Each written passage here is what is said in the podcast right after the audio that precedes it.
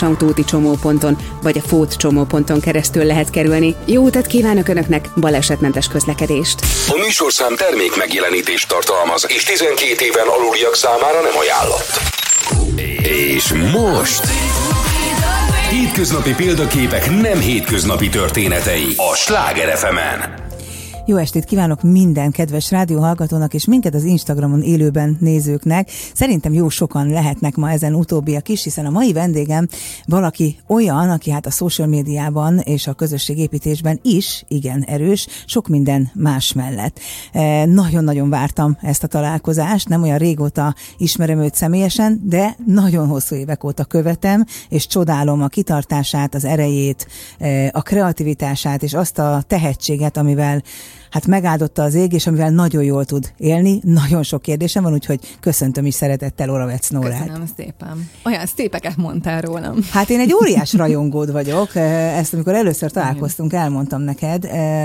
És emlékszem arra a pillanatra, amikor elkezdtelek úgy figyelgetni, hogy fú, hát erre a lányra nagyon kell figyelni, mert mennyire ügyes, mennyire tehetséges.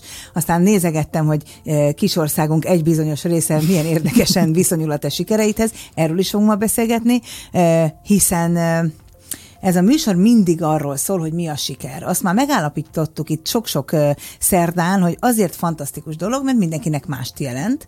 Azt is megállapítottuk már, hogy jön vele bizony sok rossz is, tehát soha nem volt egy lineáris ö, út kezdet és siker között, de mégiscsak ö, megéri a rosszakat is ö, megtapasztalni, tanulni belőlük és újra felállni.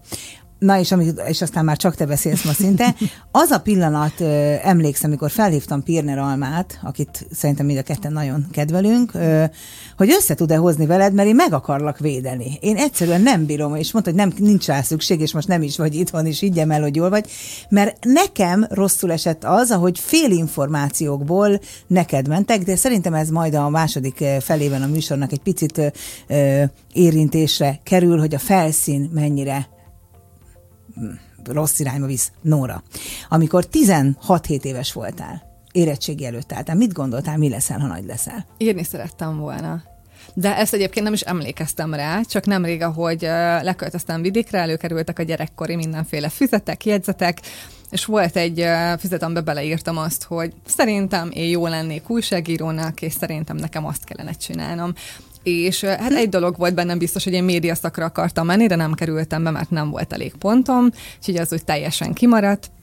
De hogy úgy nagyon nem volt, nem tudtam elképzelni Vizslás Újlakon, Nógrád megyében egy három utcás kis faluban, hogy az, amit én szeretnék, az megtörténhet. Tehát ez egy ilyen szürreális dolognak tűnt, és már az, hogy aztán végül turizmus szakra eljutottam Győrbe, az már egy ilyen hatalmas kitörési lehetőségnek tűnt, hogy oké, okay, legalább ha már az nem, akkor majd az.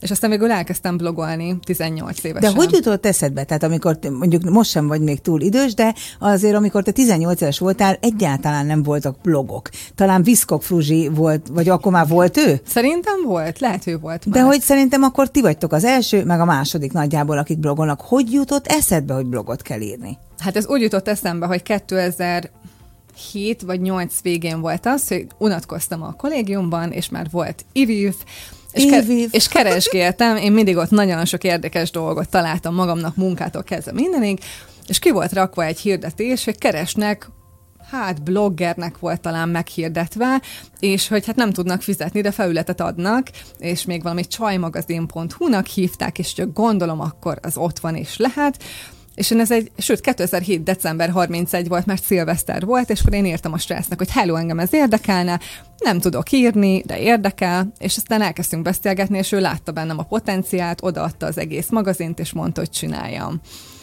Igen. Azért ez egy ilyen igazi álomsztori, szóval eh, amikor diploma átadón beszédet mondanak nagy öregek, akkor ez egy olyan történet, ami nagyjából az ő szájukból szokott elhangozni. Igen, csak tudod, ez egy ilyen kis pici, apró blogszerű valami volt, aminek nagyon minimális olvasottsága volt, tehát hogy így nem tudom, 250-en egy hónapban, de hogy nyilván nem nekem kellett egy honlapot építeni, tudtam hova feltölteni az írásaimat, és ez így jó volt. Valahol egyébként talán meg is van az első száz.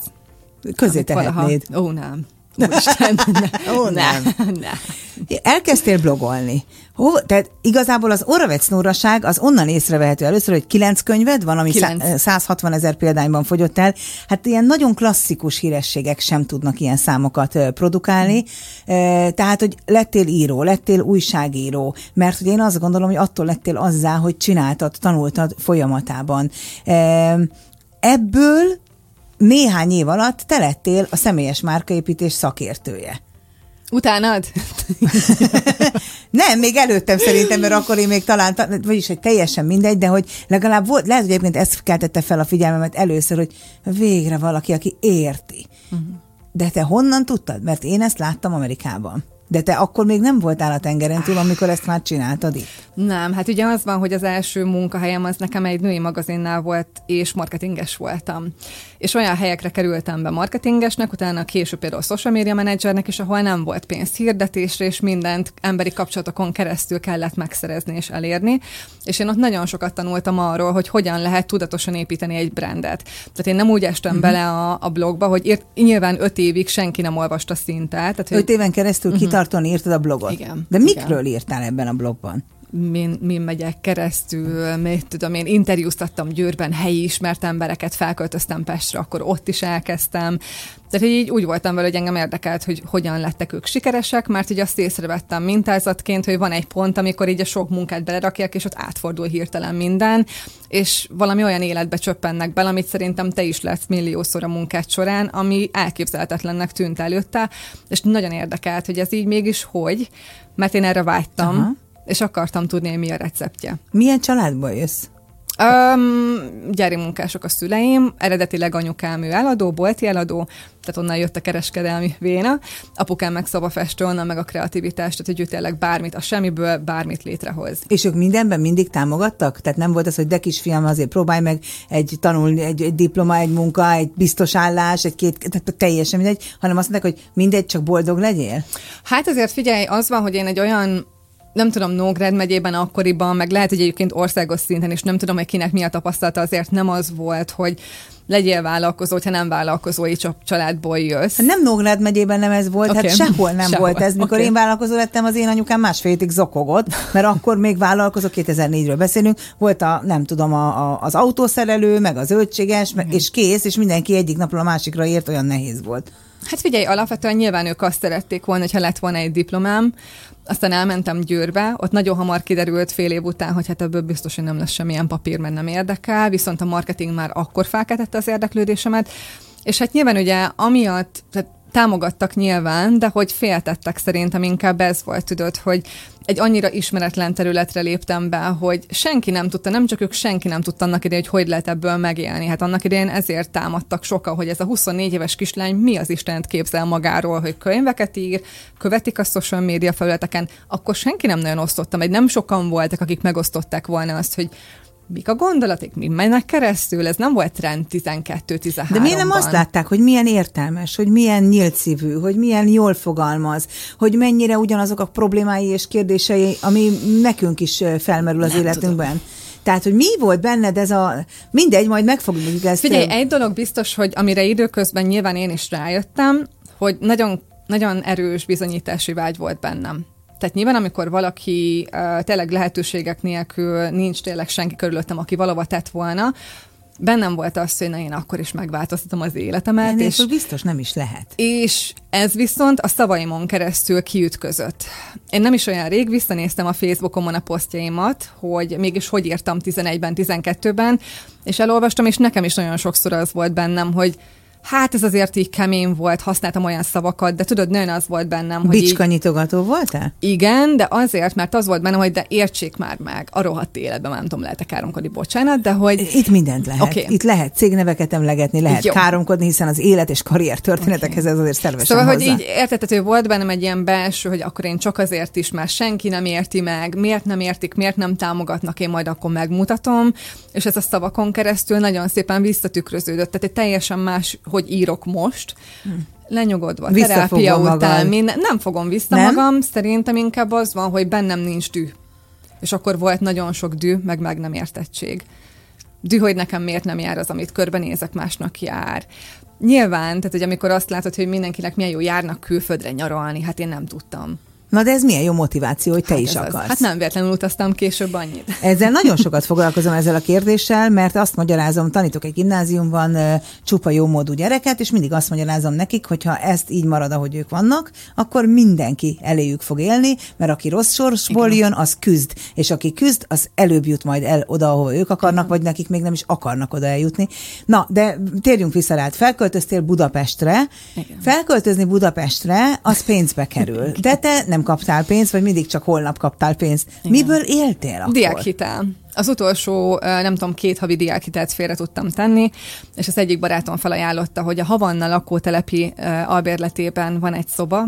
Én nem tudtam, hogy hol van az a Havanna lakótelep, és hogy ez nem egy olyan jó hely, de hogy én ott kivettem, kivettem, hogy beköltöztem uh-huh. a szobájába, és a diákhitelt, ameddig tartott, addig az egy hónap volt addig éltem és munkát kerestem, sikertelenül, felszálltam a buszra, mert hát elfogyott a pénz, és hát akkor menni kell haza, teljes csalódottság, hogy akkor most vizslásújlakon fogom leélni az életemet, és megyek majd egy, nem tudom, irodába dolgozni az én kreatív energiáimmal, mert semmi gond nincs azzal, ha valaki irodába, de hát na, én nem biztos, hogy jól hát csak lennék. mások ne ne, Nem is te. az, csak hogy nem tudom, tudod, hogy tele vagyok energiával, én abban meghalnék egy olyan környezetben, és hát fel, megcsörrent a telefon, amikor felszálltam a buszra, hogy hello, az egyik, ilyen nem tudom, online tévétől, hogy hello, akkor a helyzet az, hogy megörült az, amit gyakornoki állásnak akartunk, most már meg tudjuk adni neked főállásként, mert gyakornoknak felajánlották Micsoda nekem. isteni szerencse. És akkor én mondtam, hogy hát nekem azért valahogy ki kell fizetni a, az albérletet, mindent, és akkor én mondták, hogy jó, akkor ők fizetnek ezért, és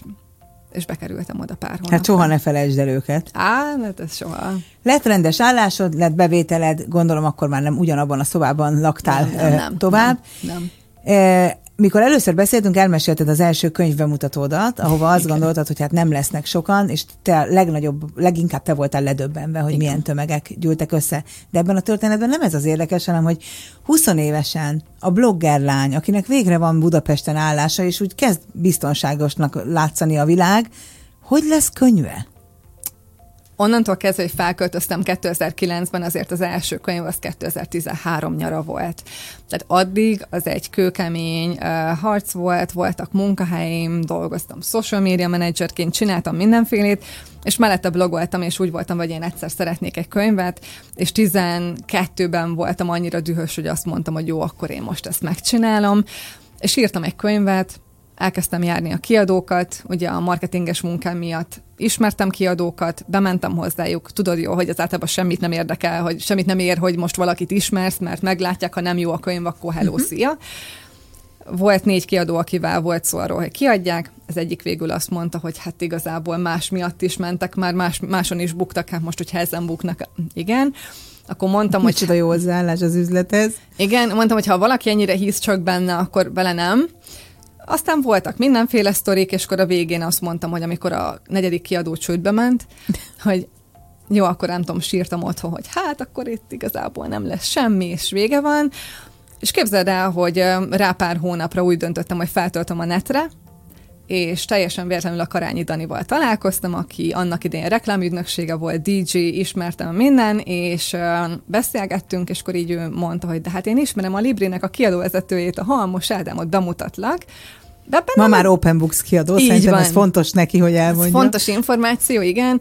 És hát akkor annyit mondtam neki, hogy ha még egy kiadó elküld engem, akkor azt fogom mondani, hogy ennek semmi értelme, és hagyjuk az egészet a fenébe. Jaj, de jó, hogy nem küldtek el. És képzeld el, hogy annyira hitt bennem a Dani, hogy aztán végül szólt az Ádámnak, és akkor mondta utána, amikor hazértem, így kaptam tőle egy üzenetet, hogy hát az Ádám várja a hívásodat. És akkor emlékszem, ilyen nagyon félváról felhívtam az Ádámot, még talán a nem tudom, kilences buszon valahol Budán voltam, és akkor mondta, hogy hát küld át, és akkor jó, átküldöm. És rá egy hétre jött tőle egy e-mail egy szerdai napon, hogy lát ebbe fantáziát, és akkor ha egy filmben lennénk, akkor az lenne egy nagy jelenet, és pontosan Pont, emlékeznél, pontosan. hogy hol volt. Tehát tudod, hogy hol voltál? voltam, a, a Szabó Ilonka utcában laktam, és felébredtem, és azt látom, hogy jön egy üzenet tőle, és mondom, mi van, és amikor tudod, így az van benned, hogy nyilván mondták az elején, hogy azért ne örüljek annyira, mert két-három ezer példánytól több nem szokott először elmenni. Hát ma már annak is, hogy örülne mindenki. Ügyfeleknél látom, igen, hogy aztán ők mennyire örülnek neki, és én úgy voltam vele, hogy hát én nem tudtam elképzelni, hogy az én életem ekkora változáson megy keresztül addigra már elég sokszor hallottam, hogy hát úgyse fog sikerülni, mit akarok. És ez nem azt érezti, érezteti hogy még inkább meg akarod mutatni? Volt bennem egy ilyen, nem, nem csak az, hogy meg, az is benne volt, hogy megmutatni, de leginkább magamnak, mert éreztem magamban, amikor ott ültem a metróban, hogy egyszer az én arcom lesz kiplakátolva, nem a fejőséváé, meg nem másé. És pont most találkoztam a fejősévával egy rendezvényen voltam, és pont beszélgettünk így arról, hogy tényleg őnek is milyen karrierje van. Tehát, hogy Na, de hát mindenki reggeltől estig, és sétfőtől vasárnap éjjelig dolgozik, tehát a vállalkozói lét, ugye mindig mondom, hogy annak való, aki tudja azt, hogy jó pár évig nem csinál semmit, csak dolgozik. Amikor Igen. szórakozik, akkor is dolgozik, amikor dolgozik, akkor is dolgozik, amikor eszik, akkor is dolgozik, amikor de dolgozik. És ebbe bele is estem, mert onnantól kezdve megjelent a könyv, én nem tudtam, hogy mi fog történni, és ott teljesen el is vitt ez a forgatag, mert nagyobbra nőtt, mint sejtettük volna, vagy bárki elképzelte volna. Hát pont... Hát pedig te elképzelted a plakátokat, hát a én elképzeltem, de azt nem gondoltam volna, hogy ez Sikerül tudom, megtörténhet, vagy nekem jár, vagy nem tudom. Tehát, hogy az egy dolog, hogy tudod, valami van a fejedben, és egy életen át arról beszélsz, hogy egyszer nekem akkor is, mert nagyon sokan a mai napig is így régi ismerősök szokták mesélni, hogy hát emlékeznek, amikor ültünk a buszon Salgó Tarján vizslásújlag között, és akkor mondtam, hogy én akkor is egyszer megcsinálom. Figyelj, az, hogy sikerült, az nyilván kívülről egy fantasztikus dolog, egy irigyelésre méltó ö, élethelyzet.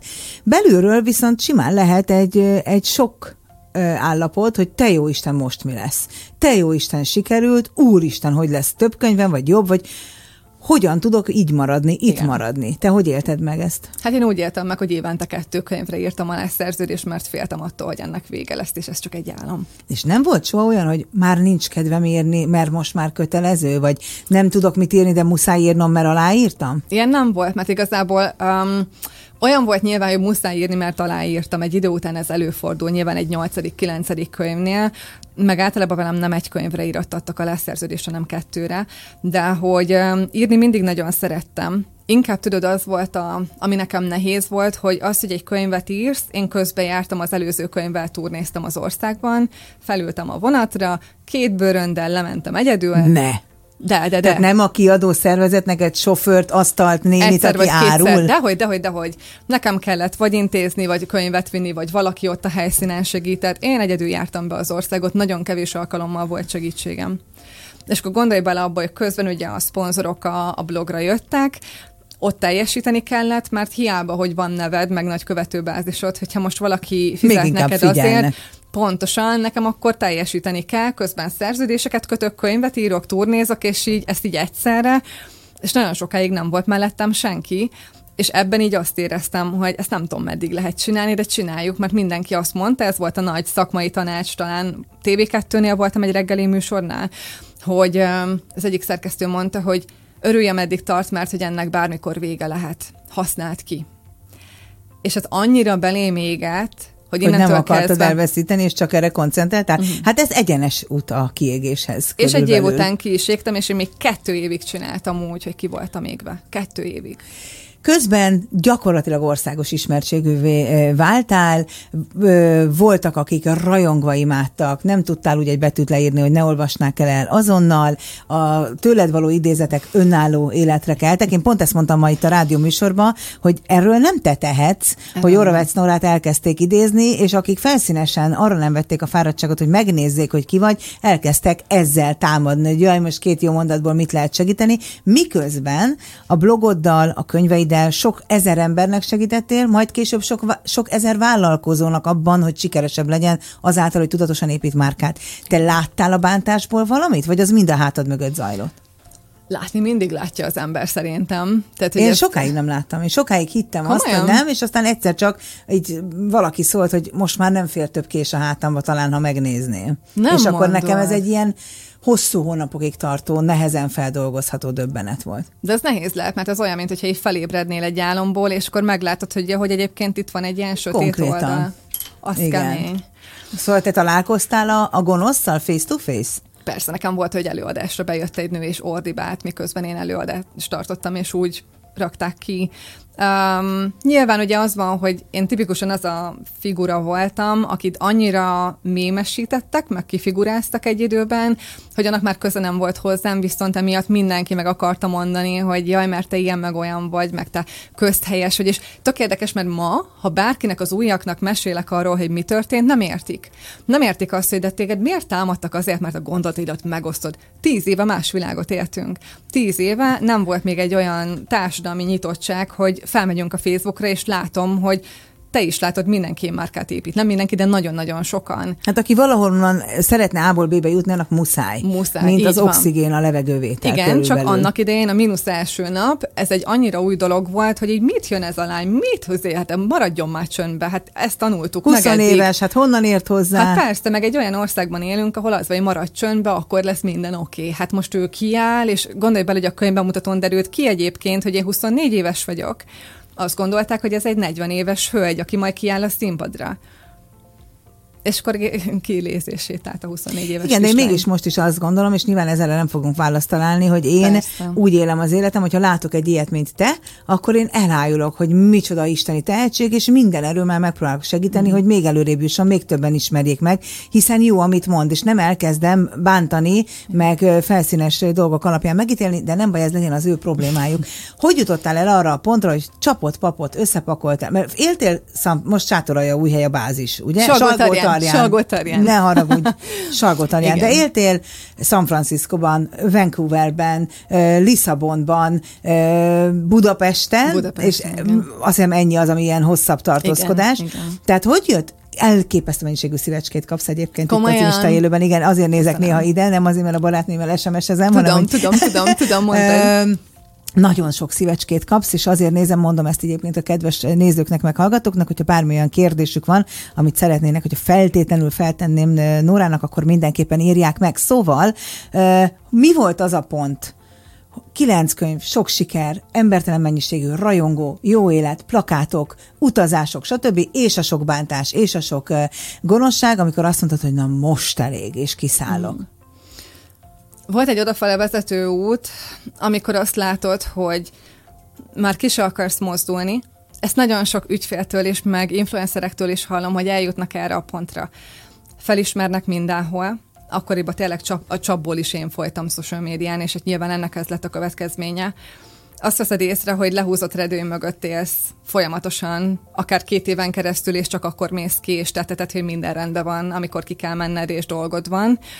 Magányos vagy, a barátaidnak próbálsz nem panaszkodni, csak elmondani, hogy mi a rossz, és akkor ilyenkor azt mondják, hogy jaj, hát tudtad, hogy erre vállalkozol, azzal nem segítenek megint. Nincs meg ez a megértő odafigyelés, és ezért teljesen bezárkózol. Mm. És én ott egy-két évre kb. teljesen elzárkóztam mindenkitől, és azt mondtam, hogy kész. Azt gondoltam mindenki, hogy jól vagyok, kívülről. Az, tűn, az látszott, most érted, felmennek a Facebookra, azt látják, hogy járom az országot, akkor már tudtam utazni is, mert már megengedhettem magamnak, hogy a jogdíjból, szponzori díjakból, tök jó dolog volt. Kívülről, ez nagyon jólnak tűnt, de belülről meg egy ilyen magányos harc volt, és hát volt egy, nyilván ugye a támadásokból, hát azért az egyre több történt, ami Ben az érdekesség az, hogy alapvetően addig, amíg én így benne voltam nagyon az egészben, nem érdekelt, mert tudtam, hogy a része. Láttam másoknál is, és ugye voltak körülöttem bloggerek, akikkel erről tudtunk beszélni. Például a Live Tia Tomi, hát ők meg aztán még jobban szétszették annak idején. Pedig ő is micsoda Hát sikersztori, az. őt is hívom majd ide, mert Pontosan. nagyon érdekel. Ő figyel- Szerintem és- és nincs tudod, így- aki nagyon sikeres, és ne bántaná. Mindenkit, és tudod mi van, hogy neki is van egy karaktere, egy nagyon erős karaktere, nekem is van egy erős karakterem, amit meg kellett tanulnom, hogy vagy szeretnek, vagy támadnak. Nincs a kettő között nagyon átmenet. És um, amikor elkezdett ez már annyira zavaró lenni, és nem is az, hogy támadnak, vagy egy lejárató kampány cél nélkül, nem is cél nélkül, mert volt céljuk, hanem ok nélkül, vagy indok, valós indok nélkül indítanak. Nem is ez a lényeg. Az a lényeg, amikor azt látod, hogy ez már nem rólad szól, és neked van egy életed, és a neved a branded. És amikor az van, hogy az én márkám, az én vállalkozásom, az én nevem, és ennek már olyan szintű torzítása történik, hogy önálló úton jár a nevem, és azt látom, hogy senkivel nem lehet beszélgetni, két normális szót nem lehet váltani, mert látnak valamit, vagy projektálnak valamit beléd, akkor ott megszűnik a személyiséged létezni, és már te se tudod, hogy ki vagy, és akkor mondtam azt, hogy jó, elég volt. Ekkor pakolok. még 2016, 16, 17, aha, aha.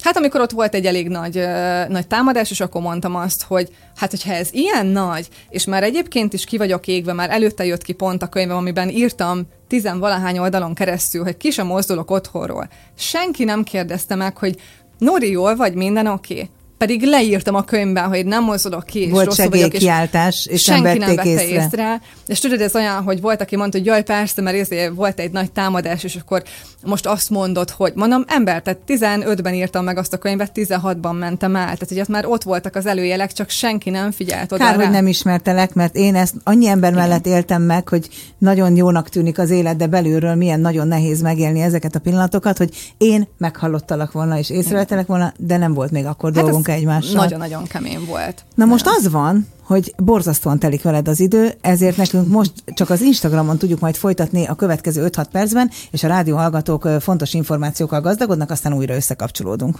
Nem akarom, hogy ilyen gyorsan teljen veled az idő, mert annyi mindenről akarok még beszélgetni. Na és akkor eldöntötted, hogy vége, és hogy? Kész, többet nem posztoltál? De hogy nem, ugyanúgy posztoltam. Tehát, hogy ott volt egy pár hét, amikor nem is nagyon posztolhattam, mert hogy ott egy kicsit ilyen zárlatot tartottunk központilag minden, mindegy. Valaki nyilvánosan megtámadott egy kiadón Pontosan, belül, és akármit nem is lehetett posztolni, mindegy, tehát hogy az egy olyan helyzet volt, amiben nem lehetett volna semmit csinálni, de a lényeg az az, hogy én akkor fogtam magam, kimentem úgy Lisszabonba, hogy senkit nem De ismertem. miért Lisszabonba és nem Prágába? Miért Lisszabonba Nagyon és tetszett. nem... Ah. Voltam előtte már kint, és én beleszerettem a TAP Portugál szponzorát, és akkor kaptam a repjegyet, kimentem, imádtam, és akkor gondolkoztam, hogy én egyszer úgy szeretnék kimenni, és akkor már előtte is kérdezték coach tőlem, hogy de hát akkor miért nem mész ki, és mondom, hát nem tehetem meg, hát a szerződések a minden, és hát valamikor eljön az a pont, amikor azt mondod, hogy nem érdekel se a szerződés, se semmi, mert senkinek nem lesz olyan fontos, mert már mindenkinek üzleti érdeke az, hogy én jól működjek. Csak te mindjárt meghalsz. Pontosan. És akkor az volt, hogy kimentem Lisszabonba, egy befektető ismerősöm pont szólt, hogy hello, itt vagyok kint egy konferencián, mi lenne, hogyha megnéznéd, hogy itt vannak startupok, dolgozhatnál velük, és mondtam, hogy hát jó. Kimentem, egy héten keresztül végtárgyaltam mindenkivel, kapcsolatokat építettem, nem aludtam, jöttem, mentem, és azt egy hét végére meg lett annyi ügyfél, hogy abból meg voltam És nyolc az volt a lényeg, hogy személyes márkaépítés, csak már nem embereknek, hanem startup Öm, vállalkozásoknak? Ott még nem személyes márkaépítés volt, ott még social media Aha. management volt, mert az volt előtt, amit csináltam, és igazából úgy voltam vele, hogy hát igazából a nőklapjának dolgoztam például itthon, meg Mompartnak, és igazából mondom, ebből még meg tudok érni, mert ilyenkor ilyen helyzetben tudod, mit csinál az ember. Megnézem, hogy mihez értek, kinek lehet ez érték, és akkor megpróbálom azt értékesíteni, mert hogy nekem az itthoni bevételeim azok így kész vége. Nem, hát ezt nagyon kevesen nézik így, meg mások bepánikolnak, hogy éhen Hát halok, jaj, jaj, de benned van egy ilyen túlélő ösztön Ó, persze. a sokszoros újrakezdés után. Jó, Lisszabon, békesség, nyugalom, gondolom az itthoni szponzorok szépen lassan elszivárogtak, Pontosan. eh, mert nem látták ennek a nemzetközi határokon Nem átívelő. azért, azért már sokan támadtak, és uh, tiltólistára kerültem a legtöbb rennél. Tiltólistára. Tiltólistára. Igen, mert hogyha az Oreves Nóra neve megjelenik valahol, akkor az abból olyan sajtóanyag születhet, és nem akar. Tehát mondom, annyira mémesítették a nevemet, hogy annak már nem volt értéke Én számukra. azért tisztellek téged elképesztően nagyon sok egyéb elvényed mellett, mert tökéletesen, nem fogunk erről már részletesen beszélni, megígérem, de hogy akkor is, ki sem mondom, de tökéletesen visszavezethető a nagy botrány gyökere, hogy az mégis honnan érkezett, kibántott. Hát én egy olyat lekevernék neki nyilvánosan, vagy a social médiában nem nyilvánosan, tehát hogy, hogy nem neked kellett volna szerintem zárni és elmenni, de mindegy. Jót tett. ne, én nem azért mentem. Figyelj, az van, hogy van egy olyan pont, amikor azt mondod, hogy a személyiséged már olyan szinten torzul ebben a sok évben, annyira egyedül érzed vele magad, és csak arra vágysz, hogy egy legyél a sok közül hogy legyen jogod élvezni az életet, anélkül, hogy figyelnek mindenhol. Hát egy szülinapot nem tudtunk megtartani, jöttek oda az emberek, meg figyeltek, meg fotóztak. Mondom, Nem vagyok celeb, hagyjatok békén. És mi lesz most? Mert hogy most azért újra vissza kezd, kezd, kezdesz ebbe a posztolok, elmondom a véleményem, látszom, hát újra aktív vagy, hála jó Istennek. Tehát, hogy újra aktív vagy, mi lesz, ha most ez újra kezdődik? Hát nem nagyon Hogy mozdulok ám azért ki, nem nagyon megyek, ne, ritkán járok Pestre, csak hogyha valami olyan dolgom van, vagy rendezvény van, tehát hogy így nem nagyon érintkezem emberekkel, szóval meg nem tudom, tudod, az is kérdés bennem, hogy az egy dolog, hogy egyszer ez ilyen nagyon nagy volt, de semmi sem garantálja azt, hogy még egyszer ugyanilyen nagy lesz, és hát nem is az a cél. Ezt akartam kérdezni, ez attól függ, hogy mit szeretnél. Nem az a cél. Nekem az a cél, hogy a saját tapasztalatomat használva másnak ne kelljen azt megtapasztalni, amit nekem. Tehát, hogyha megnézed a posztjaimat, minden erről szól Instagramon is. Hát tudom, mert ugye azt már múltkor is megállapítottuk, hogy gyakorlatilag te meg én olyanok vagyunk, mint egy ilyen tíz évvel fiatalabb, meg idősebb kiadása valami nagyon hasonlónak. A Wolf Gáborral is erről beszélgettünk múlt héten, hogy gyakorlatilag azért itt a Igen. sok közös gondolkodó megtalálja egymást, és Igen. bárki is támadja ezt, senki nem hiszi el, hogy ez csak arról Igen. szól, hogy többeknek legyen jobb. Ja. Elmentél Lisszabonba, lenyugodtak a hullámok körülötted. Volt munkád, volt életed. Visszajöttél? Visszajöttem nyolc hónap után. Addigra már elkezdtem külföldre írni cikkeket, és akkor ott legalább... Ez a Huffington Post? Huffington Post. Na jó, álljunk már egy pillanatra. Tehát a Huffington Post a világ egyik első számú ö, Tudod portálja. a sztoriát, hogy hogy sikerült? Neked? Uh-huh. Én tudom. Rád okay. írta Ariana Huffington, de nem is hitted, hogy ő az. Ariana Huffingtonról annyit kell Kommentben. tudni, hogy egy 55 éves nő, aki egy viszonylag jó újságíró karriert tudhat magáénak, de semmi extra, elkezdett blogolni, és aztán egy közéleti portállá vált az ő blogja, ami Amerika Amerika első számú közéleti portálja lett nagyon rövid időn belül, amit aztán tíz év üzemeltetés után ki sem merem mondani, hány millió dollárért kelt el. Na, de Ariana Huffington ült, nem tudom, Los Angeles-e valahol, nézegette Oravec Nórát, és rád írt? Nem, annyi történt, hogy uh, ő neki volt egy valamilyen kurzusa vagy programja, amit én csináltam, és az a lényeg az egészben, hogy az van meg, hogy az Instáján posztol valamit, és én bekommenteltem, hogy hello, megyek New Yorkba, lesz a rendezvény. És akkor így írt, hogy ott lesz, de hogy egyébként, hogyha blogolnék, akkor itt az e-mail címe keressem meg. Nekem másnap meg volt a Huffington Post az a hozzáférésem, és annyi volt, hogy előtte nekik volt valami felhívás, hogy keresnek sztorikat, hogy nem tudom, esti rituáléd milyen, és nekem valami nagyon szürreális rituálém volt, amit beküldtem neki, és ők bele akartak rakni engem egy cikkbe, és szerintem emlékezett onnan a nevemre. Szuper. Meg tudod azt, hogy én azt gondolom, hogy van benne egy ilyen bajtársiasság, hogy ő se amerikai, és odafigyel azokra a hangokra, akik nem amerikaiak, mert kint ez nagyon megy, hogy csak az amerikai éze. És uh, én onnantól kezdve még egy évig ültem a, a Huffington Poston, és semmit nem publikáltam, mert nem tudtam, hogy mit szeretnék. És aztán elkezdtem influencer marketing témában, meg szakmai személyes márka témákban. Hát igen, meg egy interjútban azt mondtad valahol, hogy azt tudtad, hogy olyat kell írnod először, ami után másodszor is hívnak, és nem akartál igen. érdektelen lenni, tehát Pontosan. hogy egy évig csak nézted, csak nézted, hogy mi Pontosan. lehetne érdekes. Hát ez hát a fajta tudatosság lenyűgöző. De nem, nem szabad, vagy nem gondoltam volna, hogy jó lett volna, hogy elkezdek most valami pozitív gondolkodást, nem tudok kitűnni. Viszont olyan tapasztalatom volt szakmailag azért, mert voltam blogger, voltam népszerű, ismerem a szakmai részét, ami egy olyan érdekes mix volt nekik, hogy azt mondták, hogy úristen, és nagyon sok mindenkihez eljutottam, aztán már később kerestek, hogy... Hát mit mondtam, hogyha nem itt születtél volna, ja. hordoznának körbe, mint egy... De tényleg, tehát, hogy annyi részről látsz egy bizonyos kérdést, amit csak nagyon keveseknek adatik meg. A Gáborral, a Wolfal múlt héten nagyon sokat beszéltünk arról, hogy a KKV marketinges, annak miért nincs presztízs, amikor sokkal nehezebb dolgokat kell eh, meglépnie, sokkal Igen. kevesebb budgetból, de ez is egy, beszéljünk róla tovább. Huffington Post, hát mondjuk ide, itt, itthon, hát nem is tudom, hova akarnak bekerülni olyanok, akiknek nem sikerült, meg a, tényleg number Talán van. velem együtt kettő embernek volt ott lehetősége magyarnak publikálni. Egyet ismerek, úgy hívják, hogy Hidvégi Tamás. Egy férfi, e, igen. igen, igen. E, jó, jó barátom, és hát ő is nagy büszkeséggel írt jó hosszan oda. Na, de te influencer interjúkat csináltál a sikerről és az ő karrieri útukról. Pontosan. Ebben a tárgykörben találkoztál például Travis Scott-tal? J- uh, Jake Paul. J- ma, Meg igen, Martin bocsánat, Garrix. tudom, ezek egy, egy... Igen, ezt a múltkor is feljött témaként. De hogy, tehát ezek világsztárok, hát lehet, Tudom. hogy a rádióhallgató itt most nem tudja, de ezek a youtuberek, ezek a giga világsztárok. Igen. Hogy kerültél velük kapcsolatba? Hát a Jake Paul nagyon egyszerű volt. A hát, Louis... ja, de annyira nem, de hogy amúgy tényleg könnyen jött össze, de azért, mert például a Louis house volt egy interjú vele, és megnéztem, és hát én nagyon érzékeny vagyok a másiknak a lelki oldalára, és pont beszélt arról, hogy az ő karrierjének az ára, meg a mit tudom én, és akkor írtam erre egy e-mailt, hogy hát láttam, hogy beszéltetek itt a youtuber mindenről, de hogy igazából engem jobban érdekel az, hogy tesz lelkileg, hogy megyek Magyarországról Los Angelesbe, szívesen elmegyek, találkozzunk, ha úgy van, és írt vissza, hogy persze csináljuk. Mert ráérzett valószínű, hogy ugyanazokkal a problémákkal küzdesz, Pontosan. mint ő maga. Az van, hogy most belét fogom rekeszteni Tudom, a szót láttam. egy néhány másodpercre, mert minden másodpercet ki akarok veled használni, azért nem állítottam le magam, de most egy kicsit lefogom, hogy újra összekapcsolódhassunk a rádióhallgatókkal. És most...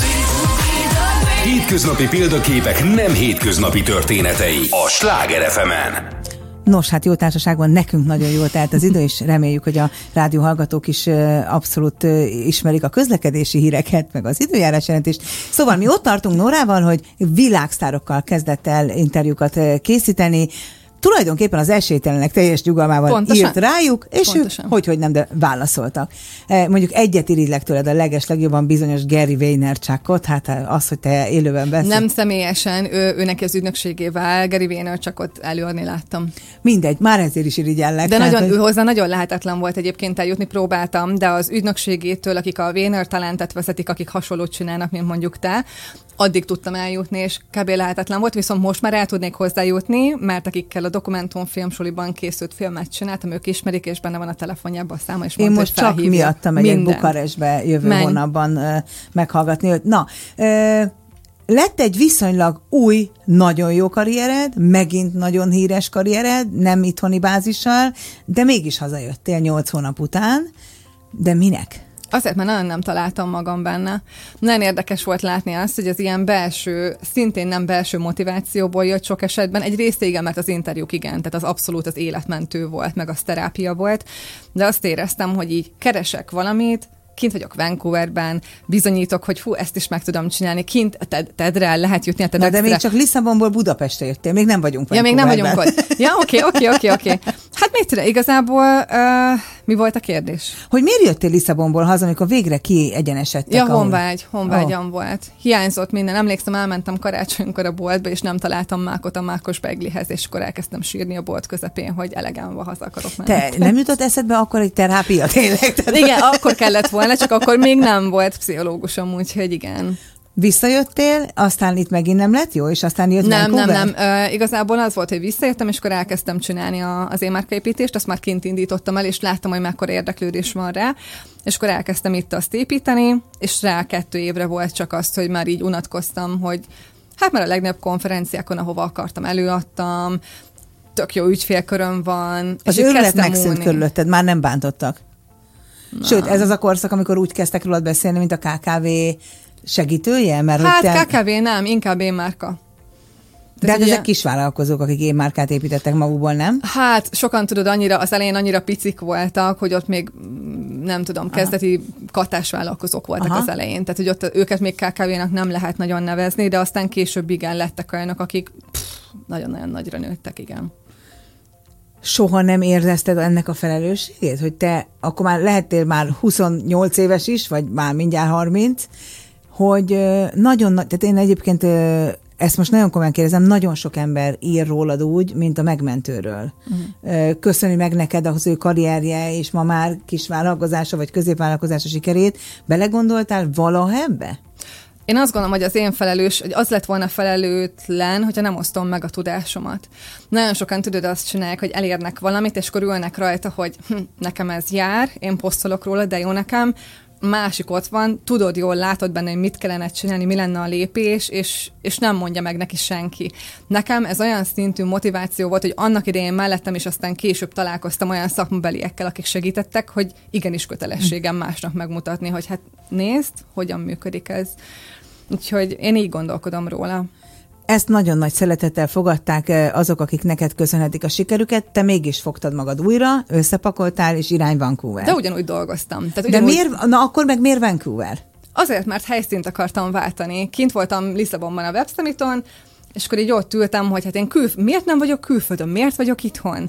És akkor így azon gondolkoztam, hogy ha, most akkor igazából most még meg tudom tenni azt, hogy fogom magam, és akkor kimegyek hat hónapra, úgyis egy éve ezt kitaláltam, akkor valósítsuk meg. És ez így a Web Summiton született meg, és rá két hónapra már mentem is ki.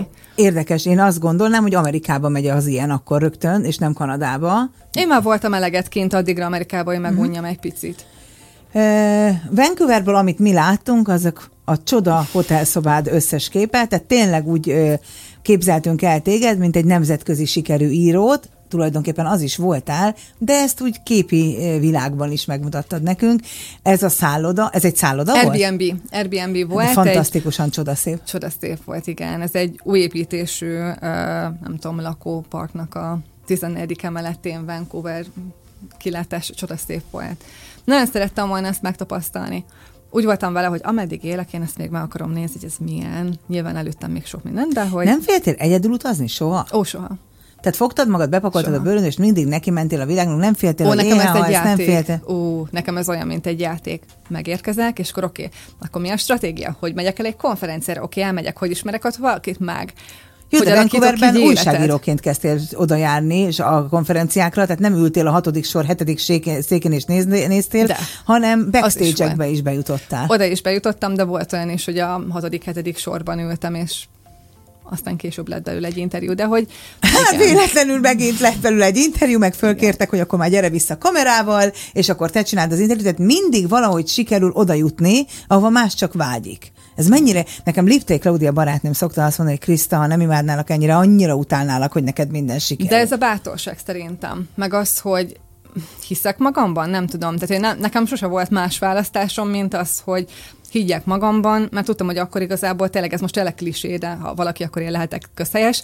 Szóval, hogy... Hát egy óra vagy Snórás idézetet nyomj ide ki más, ki más, ha én nem, de hogy valahogy így mindig ez volt bennem, tehát nagyon sokáig én nem tapasztaltam meg, hogy milyen az, hogy van egy pszichológus melletted, van, aki támogat, van, akire számíthatsz, van, aki tényleg egy háttérvilágot biztosít, nekem ez nem volt meg mondjuk az, aki terápiára javaslatot tett neked, hogy kihez jár, dr. Máté Gábor maga, Pontosan, tehát hogy azt hiszem, mind, mondom, mindig a top, mindig a top. Persze nyilván az is kell, hogy írsz és ő válaszol.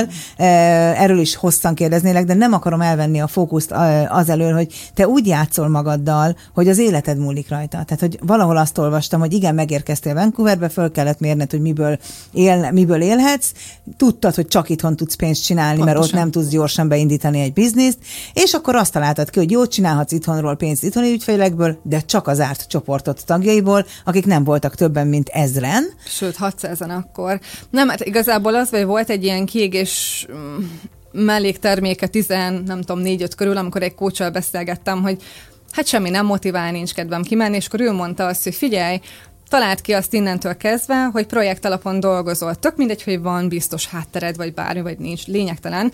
Azt mondod, hogy ha valamit el akarsz érni, akkor azért akkor, akkor dolgozol meg.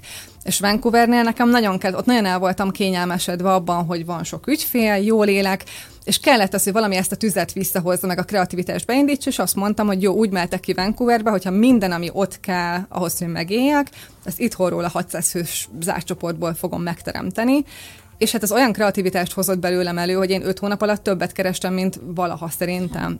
Tehát, Tehát hogy ez a mesterségesen újraéleszted azt muszáj. a kezdő lelkesedést, amivel mindenki neki vág bárminek is. És ügyfelekkel is ezt ilyen általában négy-öt évnél meg kell csinálni.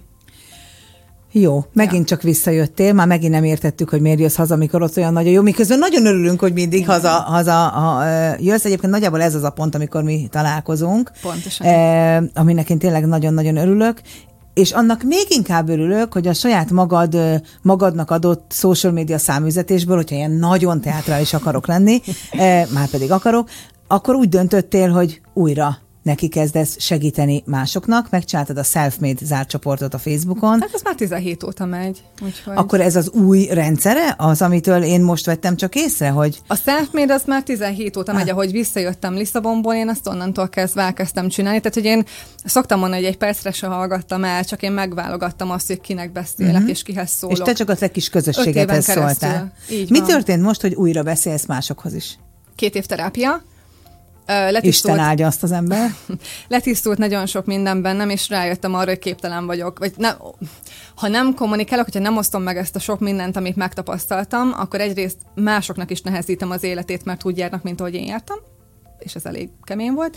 És a másik meg az, hogy nem bírok anélkül élni, hogy ne írjak, vagy ne osszam meg, és el kellett fogadnom, hogy bármit csinálok, hogyha még csöndben leülök egy konferencia terembe, és akkor is észre fognak venni, és kész. Szóval, hogy... Igen, ez így Igen. van. Tehát, hogy te, ha megérkezel, akkor tele van veled a terem, Igen. és én ezt a világ legkellemesebb hangján akarom mondani, hogy ne úgy érezzék, hogy, hogy ez rossz, hanem sokkal inkább, hogy jó. De egyébként nem ülsz a fenekeden, mert időközben New Yorkban elvégeztél egy dokumentumfilmes iskolát, Igen Minek is? Azért, mert nagyon sokan mondták az interjúk során, hogy kár, hogy erről nincs egy videó, mert hogy látnák magukat, hogy hogy megnyílnak, és na- nagyon jó anyagok születtek sok esetben, és tudod, így az volt benne, amikor azt mondta egy srác, a Matt Como, aki a Justin Biebernek fotósa meg minden, hogy te figyelj már, miért nem tanulod meg, hogy hogy, és akkor hallgattam rá, és beiratkoztam. New Yorkba, uh-huh. az egyetemre dokumentumfilmet hát tanulni. ott is csináltam. Hát olyan egyértelmű. De figyelj, de csináltam. Tehát más a Pázmány Péteri Egyetemre iratkozik be, nem tudom. De ez nagyobb kihívás, mert akkor megint volt egy projektem, amire azt mondtam, hogy ez ennyibe kerül, ennyi kell ahhoz, hogy ott megéljek, akkor én azt megkeresem, és tele vagyok energiával, és az ügyfelek ezt érzik, nekik jó, ebből ők töltekeznek a csoportban, Szóval így mindenki jól jár. Nem vagy még 35 éves, Igen. és benned van már két, legalább kettő teljes karrier, ív és csúcs. Mi lesz veled, amire 60 éves leszel? Mit Én nem gondolsz? tudom. Nem tudom. Szerintem mindig lesz az, hogy írni fogok, vagy kommunikálni, vagy valami. Biztos, hogy lesznek így nagyobb szünetek, mert most például ezt is megtapasztaltam, hogy mennyire jó az, hogy nem tudom, két aktív év, utána egy év, amikor teljesen eltűnök, két aktív, és például, ha megnézed, Máté Gábor is akkor jön elő, hogyha van mondandója a, nem tudom, Joe Rogan vár rá a világ legnagyobb podcastere, tehát hogy meghívta, azt mondta, hogy hát most nekem nem jó, mert még nincs kint a könyv, és akkor mondta, ja, várlak akkor, Tim Ferriss ugyanez.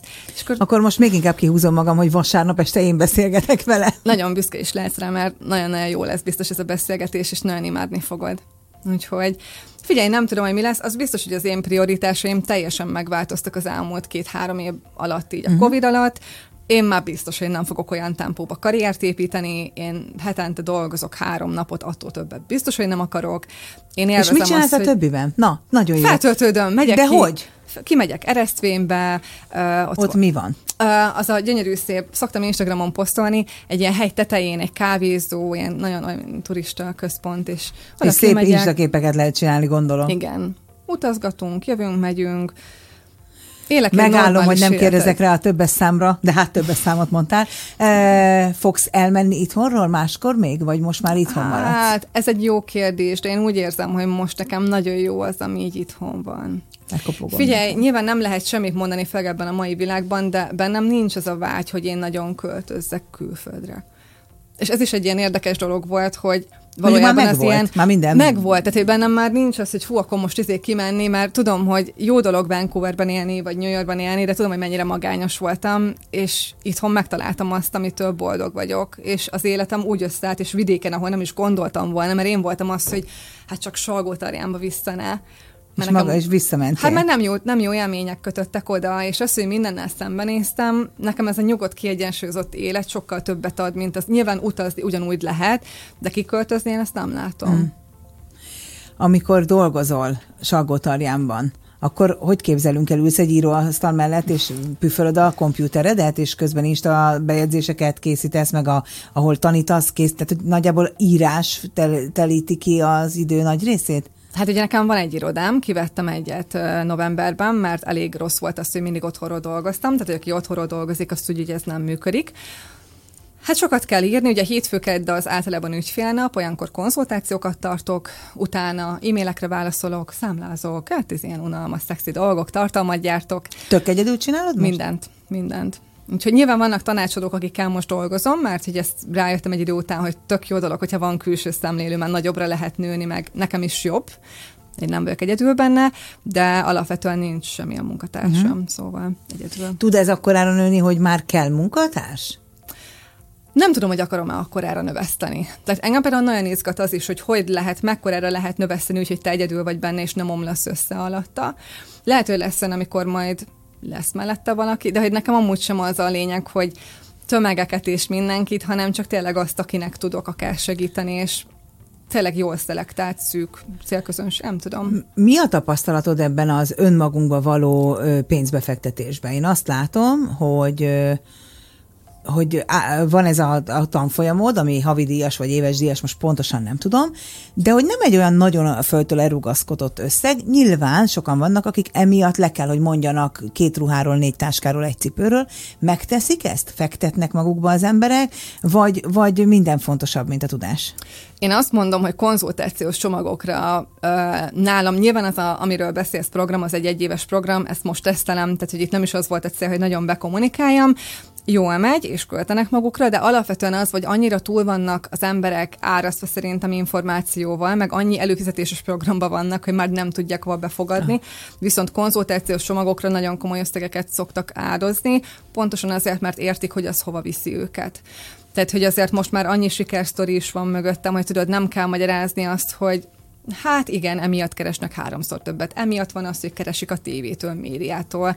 Tehát, hogy azért ezek szerintem fontos dolgok, úgyhogy én azt látom, hogy egyre többen, és mondjuk nálam azért folyamatosan volt ilyen, de hogy azért komoly összegeket ott hagynak. Sokat beszélgetünk itt a vendégeimmel arról, hogy mennyire érdekes az, hogy az Egyesült Államokban egy sikeres vállalkozó rögtön azzal kommunikál, hogy egyik évről a másikra mennyi árbevétel emelkedést ért el, vagy Igen. mennyi bevételt produkál. Tehát olyan, mint te kiraknád, de most has számot mondok, senki ne vegyek komolyan, de hogy uh, Oravec Nora azután, hogy újra kezdte, már is 100 milliós bevételt produkált az első évben. Azért mondtam ekkora számot, mert ez irreális, nehogy véletlenül leírják, hogy te... Annyira nem irreális, ne, ne, nyilván nem kerestem 100 millió forintot, de hogy az első évben az újrakezdés után, de hogy van olyan, aki ügyfél és annyit keres én márkából.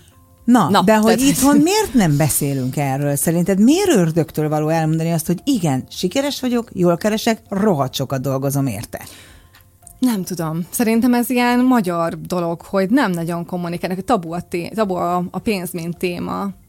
Ne, nem Pedig tudom. mindenki ezzel van egyébként elfoglalva. Hát meg most egy olyan rendezvényen voltam ma, ahol ugye előfizetési rendszerek vannak, és ott ugye tudjuk, hogy mennyi a havidíj, és amikor bárki kimondja azt, hogy van ezer tagom, akkor mindenkinek elkezd járni az agya, hogy fú, akkor ő mennyit keres vele?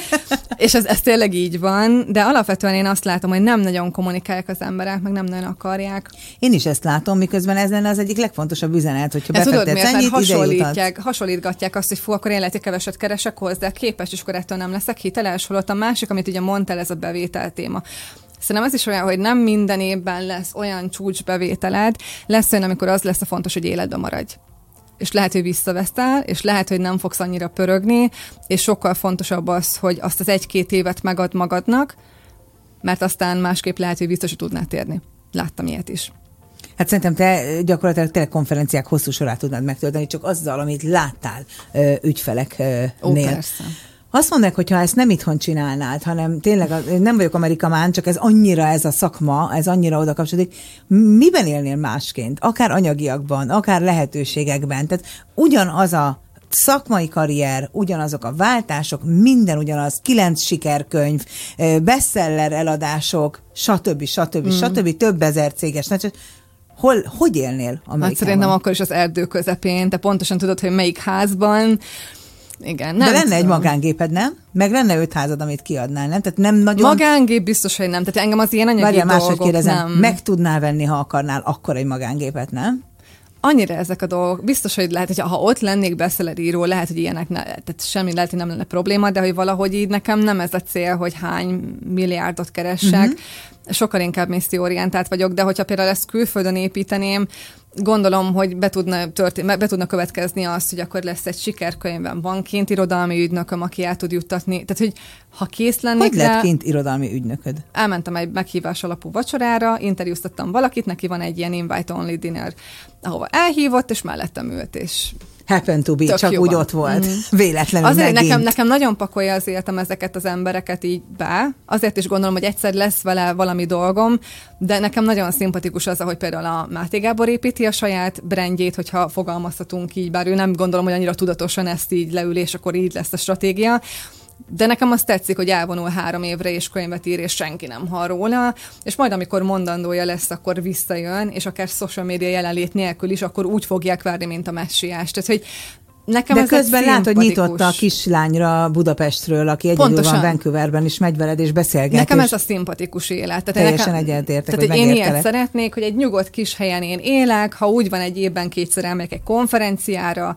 lehet utazni, ha akarunk, akkor megyünk, de hogy alapvetően ebben nem tudod, nincs az, hogy akkor fú, nem. Nekem nagyon szerencsém van az, hogy ott van egy Philip Zimbardo. Ő ugyanez a példakép Vele is beszélgethettél. kétszer is, és az otthonában fogadott. Az, hogy ilyen példaképeim vannak, akik kinyitják az ajtajukat egy magyarországi kislánynak, és sütit, süt, és sütit ad nekem, és ott ülök, hogy mi van? Róla tanultam a főiskolán, tehát hogy ez így hogy.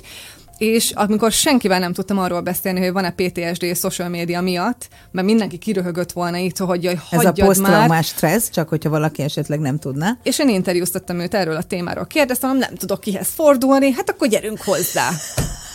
És volt egy ismerősöm, aki ismert, és mondta, hogy hát jó, a, elég tartalmamat olvasta, hogy bízzon bennem, hogy azért akárkit nem bíz be, és akkor ott ül. És nekem ezek a típusú emberek a példaképek, hogy érted, 80, nem tudom, 6 évesen, ő még ír könyvet, és őt még zavarja, hogy nem olyan kreatív, elmegy még coachhoz, és még ő odafigyel magára, hogy legyen még egy, és segíti a következő generációt, és ha akar, akkor tanít, ha nem, akkor nem. Igen, de közben ez neked ad erőt, hogyha Zimbardo leült velem, és jónak talált eléggé, akkor most már én is tökéletesen hiszek magamban? Hát persze. Na, mert azért ez nagyon fontos. Hát ezek az interjúk ezért is kellettek, hogy az a, az a kép, amit már ugye, nyilván az, hogy kívülről milyen zaj jön, és ki mit mond róla, de egy idő után hat rá. Hogyha valaki azt mondja, hogy nem, akkor hazudik. És egy idő után az, hogy látod, hogy hát jé, egy Martin Garrix is tök jól érezte magát, fú, ez is, meg az is, akkor elhiszed, hogy nem véletlenül foglalkoznak veled, meg látnak ők is benned valamit, úgyhogy Mindenki a másik pénztárcájában akar kutatni, írják a persze. kedves kommentelők, csak Pontosan. álszentek az emberek, van. eh, de ezt, ezt aztán sokan írják. Igen. Nekem végtelenül szomorú az, hogy eltelt a nekünk szánt 60 perc, és ezt minden szerdán érzem, úgyhogy eh, gyakorlatilag ez a műsor azért fantasztikus, mert, mert olyan embereket mutathatok meg, akik biztos vagyok benne, hogy azzal, hogy itt beszélgetünk, nagyon sokak adnak erőt, meg indítatást, hogy azt érezzék holnapra, hogy elhordják ők is a Gellért hegyet, hiszen ha neked sikerült, ha nekem sikerült, akkor Persze. nekik is sikerülhet. E, csak azt mondd meg nekem még, hogy munkán kívül nem magánéletezünk, de mégiscsak a becsukod a szemed. Hogy látod magad őszhajú korodban? Ó, biztos, hogy akkor is lesz egy laptop az ölemben. Biztos vagyok benne, kinézek az ablakon, van egy olyan szép kertem, mint neked. Biztos vagyok benne. És nem tudom, élvezem azt, hogy csicseregnek a madarak, és nyugalom van. Ha akarok, akkor havajon nyaralok három hónapot. Mit tudjam én? Tehát így teljesen más, hogy nem tudom. Békesség, nyugalom, szabadság. Nagyon, nagyon, most is azt írják, hogy lehetne újabban a sorozat 120 percet kiterjesztve, ezt nagyon sokszor írják. Nagyon köszönöm, hogy eljöttél Én köszönöm ide. a meghívást. Biztos vagyok benne, hogy nagyon sok mondatot kaptunk tőled a képzeletbeli hátizsákunkba, ahova gyűjtjük folyamatosan a támaszt és a, és a segítséget. Az elmúlt egy órában Orovec Nórával beszélgettem, hát aki tényleg nagyon-nagyon vártam, leplezni sem tudom. Jövő héten szerdán este fél nyolckor újra lesz hétköznapi példaképek, nem hétköznapi történetei, amikor is Pistyúr Veránál várjuk majd önöket. Beszélgetünk ugyancsak startupról, meg bizniszről, meg egy egészen fantasztikus női karrierről. Várok mindenkit, addig is vigyázzanak magukra.